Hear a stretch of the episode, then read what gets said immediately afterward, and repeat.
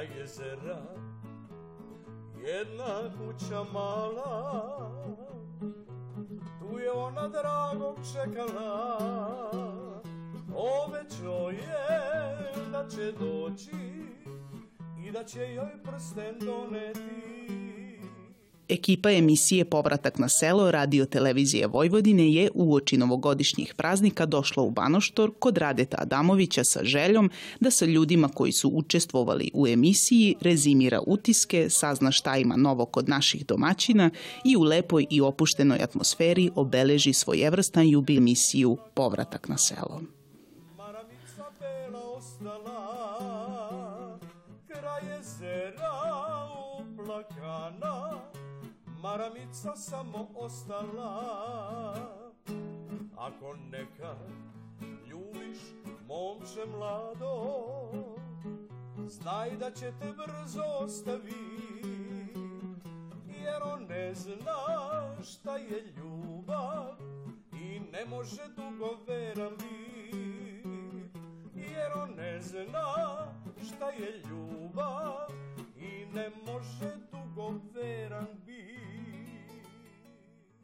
Evo nas, dragi prijatelji, na kraju 2019. godine e, došlo je vrijeme da sumiramo sve ono što smo radili tokom čitave godine i izuzetno mi je drago da je cijela ekipa povratka na selo došla ovdje, našla vremena, e, da napravimo neko neobično druženje, da kažemo više prijateljsko nego poslovno. Kroz sve ove godine saradnje smo postali vrlo dobri prijatelji i vrlo, vrlo lepa druženja budu kada, kada god se vidimo.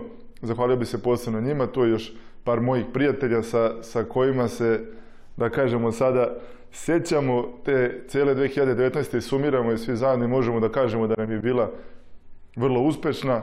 Za svakog proizvođača, e, pa tako i za moju porodicu, e, pojavljivanje u TV emisijama je izuzetno značajno, jer to predstavlja svakako jedan vid reklame, ali i jedan od načina da se porodični posao približi što većem e, krugu nekih budućih potrošača. E, To je način da svako od nas ispriča neku svoju ličnu priču i da, i na taj način, da kažemo, dodirnemo srce drugih, kao što je uvek i, i naša želja, jer je e, za mene to način da se predstavi jedna porodica. Mi smo se pojavili prvi put u emisiji Povratak na selo 2016. godine i nakon toga još nekoliko puta. E, tako da kada pogledam te emisije jedno za drugom, ono što e, mogu da osetim svakako je jedno veliko zadovoljstvo, jer čak i na taj način možemo da vidimo u nekom kratkom vremenskom rasponu koliko smo zapravo napredovali u svakom smislu, i poslovnom i ličnom. E, te, jed- jedna od najdirljivijih svakako emisija koja je snimana u našem e, porodičnom gazdinstvu jeste upravo emisija Povratak na selo. E, I meni je izuzetno drago i e, veoma je prosto emotivan trenutak da se ponovo nađemo u ovoj emisiji, e, sada pojačana i uz podršku prijatelja sa kojima se svakako i svakodnevno družim. moj angažman ovde je vezan upravo za moj boravak u mom selu, Neštinu, bili ste kod mene, snimali ste emisiju Povratak na selo. Ja sam se vratio u moje selo posle lutanja po svetu, a pošto je to blizu, eto ja sam imao sreću da sa Radetom sklopim dogovor da ja ovde malo sviruckam, zabavljam goste i tako. Pored onoga što ja radim svakodnevno, ja svakodnevno pišem, radim, živim u Neštinu sa mojim životinjama, to ste vidjeli. Ima i novih od onda, pa vas pozivam da dođete ponovo da ih vidite. Imam neke nove stanovnike i prijatelje među tim životinjama. Živim mirno, radim poprilično i to me mislim i održava. A svako veče ovde pevam gostima koji dolaze, zadovoljni su, koliko su zadovoljni, ja? većinom kažu da jesu i mislim da ću ovde ostati do kraja svoje muzičarske karijere, koja je već podugačka. Ovde mi, mi je lepo, osjećam se među, kao među prijateljima, ne kao, nego među prijateljima i eto, nastavit ću tako dokle god bude mogao. Pošto sam i sam odlučio da se vratim na selo i pomognem svojim roditeljima u obavljanju poslova, što je najviše se radi o voćarstvu, povrtarstvu, od prošle godine i vinogradarstvu, na poziv svog prijatelja Radeta i drugara, odazvao sam se njegovom pozivu i da, da učestvujem u današnjoj emisiji. Taj njegov, tu njegovu odluku da se vrati na selo i posveti se ovom poslu, vinarstvu, vinogradarstvu, sam e, shvatio i protumačio kao jako dobru. E, pogotovo mi se svidelo kod njega što se on tome posvetio i dao je svoj maksimum. I jako brzo je uz pomoć nekih naših zajedničkih prijatelja savladao celu, celu tu materiju i jako, jako dobro je, jako, jako dobro mu to ide. O čemu svedoče i kvaliteti i vina i usluge u ovom restoranu i sve što ide uz to. E, Radeta sam upoznao pre nekih 11-12 godina kada me je sticajem okolnosti posao dove u ove krajeve. Mi geografski i nismo toliko udaljeni. Ja praktično odavde živim neki 27 km, ali kako sam došao ovde da radim, tako sam upoznao i njega i otprilike od tada počinje to neko nerazdvojno drugarstvo i prijateljstvo. Aj, pogradini, mesečina sija meka, aj, tu me draga, u plisenku Mazgan čeka. Ej, a ja volam, ležim u vajatu,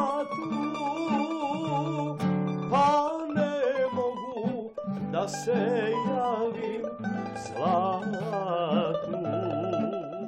Htio bih kada smo pre par meseci radili prvu emisiju povratka na selo, to je bilo u Berbi, sada ovo je vino finalni proizvod te berbe, ali tada kada smo, kada smo radili tu emisiju, izuzetno su dobre reakcije bile, e, stvarno se mnogo poziva sa svih strana, čak i od nekih mladih ljudi sa fakultete, možda čak i srednje škole sa kojima se dugo nisam čuo, su, su videli moju priču i na neki način vidim da, da su negde u sebi izuzetno zaintrigirani celom tom mojom pričom, situacijom, e, kompletno, kompletnim tim, to, kompletnom tom seoskom idilom, da je tako nazovem, tako da Izuzetno dobre reakcije izazvala, izazvala emisija, e, izuzetno je kvalitetna.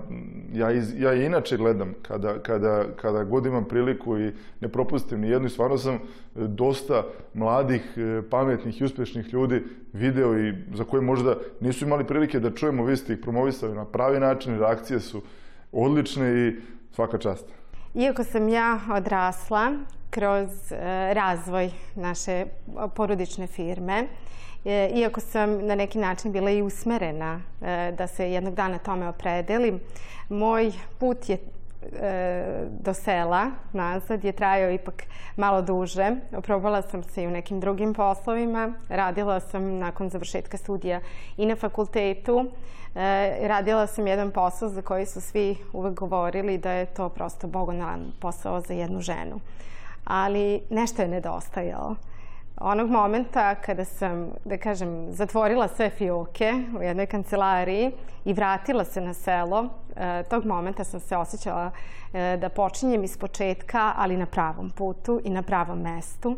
I zapravo se ni jednog trenutka nisam pokajala što sam se odlučila vratiti na selo i vratiti, u potpunosti podsvetiti porodičnom poslu i od, praktično od tog trenutka mislim da je na neki način sve krenulo mnogo brže i mnogo bolje i e, to me čini izuzetno zadovoljnom.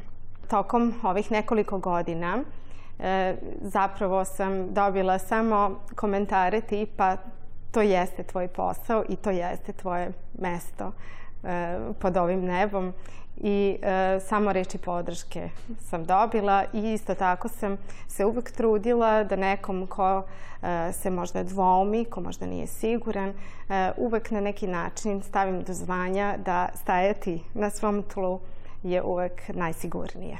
Kada smo radili onu emisiju o meni u Neštinu, ja sam se malo pravio važan pa sam pozvao moje prijatelje moje školske drugove iz Beograda da pogledaju tu emisiju. Svi su bili oduševljeni, svima se to jako svidelo. Većina njih žive u gradovima. Poneki, pošto sam ja prvo završio učiteljsku školu, pa posle dalje, koleginice neke koje su ostale da budu učiteljice, žive u selima. Da li, da li se bave nekim poslovima vezanim baš za selo, ne znam, ali rade kao učiteljice. A ja sam došao ovde, ne bavim se poljoprivrednom, ali stalno pričam ljudima kako je na selu lepo. E, kako zadržati mlade na selu? Teško je. Teško se živi u gradu. Oni to svi znaju, a ne znam, svi nešto hrle ka tom gradu, kao da tamo cvetaju ruže, ne cvetaju, ja to znam, ja sam živeo u Novom Sadu 35 godina pre nego što sam došao ponovo u Neštin da živim živim jednim drugačijim životom. A naročito oni ljudi koji bi mogli da nešto privrede u selu, za njih je selo, ja mislim, pravi izbor. Ja, ja pozivam, ukoliko sam kompetentan, pozivam mlade ljude da, da ostanu u selu. One koji su otišli pa vide da je jako teško u gradu, neka se vrate, imaju gde da se vrate, najverovatnije a tamo ih čeka. Čeka ih mnogo posla. Ko hoće lepo da živi, mora da radi. Nema, bez rada nema ništa. Ali na selu mislim da je su mnogi ljudi to rekli da lepše se diše i lepše se živi. Gradovi imaju svoju čar, ali ipak selo je selo i, e, i sa te strane i mislim i za decu da je mnogo zdravija sredina za odrastanje, za vaspitavanje, jednostavno i oni postaju, e, rekao bih, pre ljudi. Ovom ulicom više neću da prolazim i u sumrake više neću da dolazim samo će ostati moji stopa tragovi dok ih i novi sneg ne ukloni. A bolna dolazi želja želju sustiže. Puštam da prolazi al ne ide. Onda kada smo pre par meseci snimali priču o, o, o vinogradu i, i vinu, pored toga valja napomenuti da sad je već počela priprema zemlje za, za sadnju novih vinograda koje se obavlja na proleće, ali bez dobre pripreme zemljišta ništa od toga nije, nije moguće, jer iz prostog razloga što vinograd mora se napraviti dobra podloga da bi dao odličan rod. Tako da smo sada otprilike kada nam je neki vakum period, kada nema toliko posla što se tiče samog vinograda, sad je, sad je izuzetno bitno pripremiti tu novu zemlju za sadnje. Između starog i ovog najnovije vinograda je e, kupljeno još jedno parče zemlje na kojem će da se, ako da Bog, na, na, na proleće posadi novi zasad italijanskog rizlinga i, i muskatnog hamburga. Jedna od prednosti života na selu, pogotovo u jednom ovako malom selu kao što je Banaštor, jeste da su ljudi mnogo više povezani e, nego u gradu i da prosto mnogo lakše, mnogo jednostavnije jedni drugima pružaju pomoć i podršku. E, jedan od takvih momenta bio je svakako i moment kada je i naš današnji domaćin Rade ušao u našu porodicu. E, i za veoma kratak period na neki način postao i deo naše porodice, kao što smo i mi postali deo njegove porodice. E, prosto je, postoje dani kada e, ga pozovemo da svrati, da probamo zajedno vino, da zajedno prokomentarišemo vino, da podelimo šta, šta je tog dana skuvano E, ili prosto da, da razgovaramo. Mogu to biti jednostavne teme, e, neke svakodnevne teme, ali e, često su to momenti kada neko od nas ima neku dilemu i kada nam prosto treba neka podrška i pomoć, makar samo neka topla reč i za, za ovo, ovih poslednjih nekoliko meseci Rade je pokazao da iako, što je, iako je veoma mlad čovek, da je jedan veoma zreo čovek i da je neko na koga se možemo uvek pouzdati i praktično da je i deo naše porodice.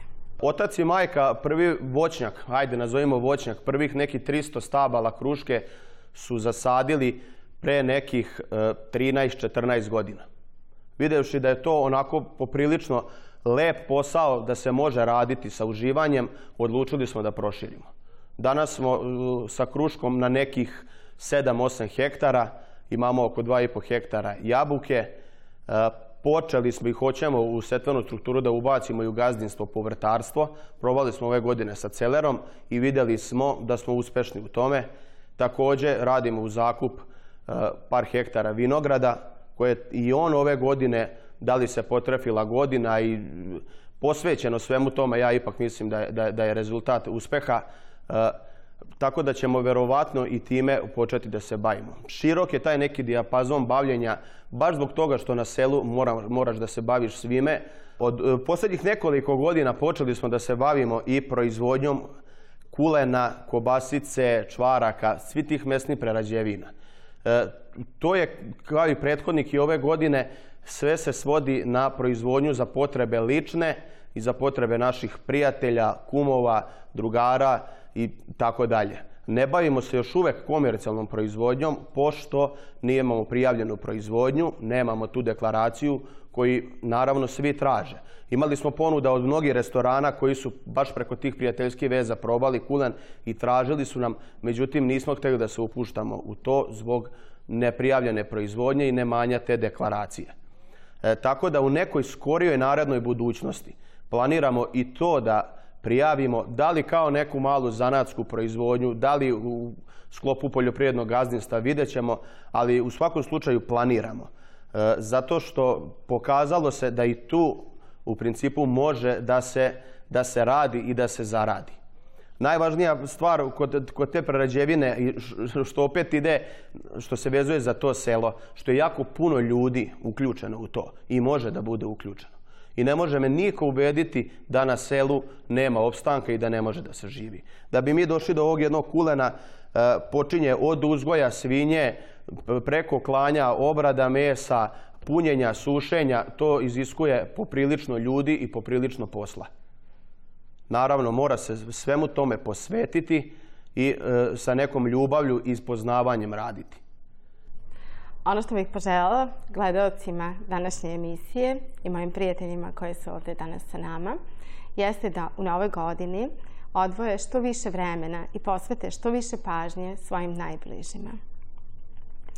Ukoliko imaju e, bilo kakvu dilemu, e, vezano za poslovne ili lične, da kažemo, probleme, e, da u svojim najbližima pronađu sagovornika i nekog ko će ih posavetovati.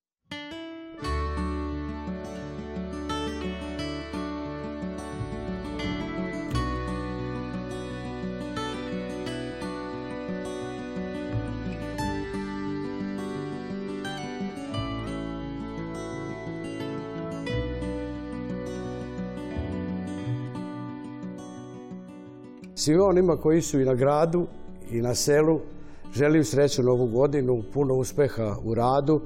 Mojim kolegama, muzičarima želim puno pesama, puno zdravlja.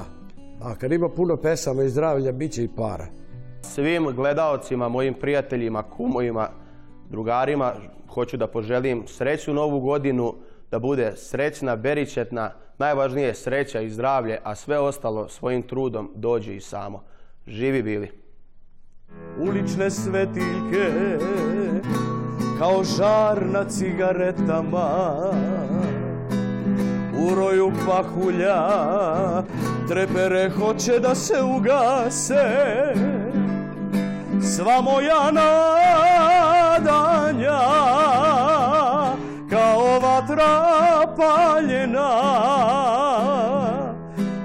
kišnom zavesom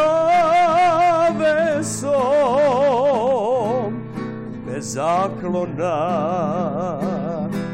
A bolna dolazi Želja želju sustiže. Puštam da prolazi Al ne ide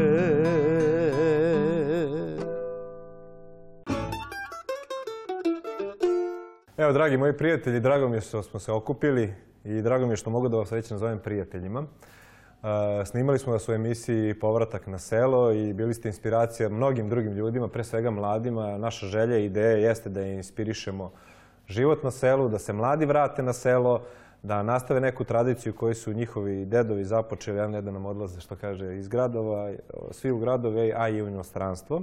A iskoristio bih priliku, pošto je u pitanju 200. ta emisija Povratak na selo, da se zahvalim članovima moje ekipe koji su dugo godina sa mnom i koji su na ovoj istoj misiji i koji žele da prikažu u što lepšem svetlu kao što i jeste e, sam život na selu.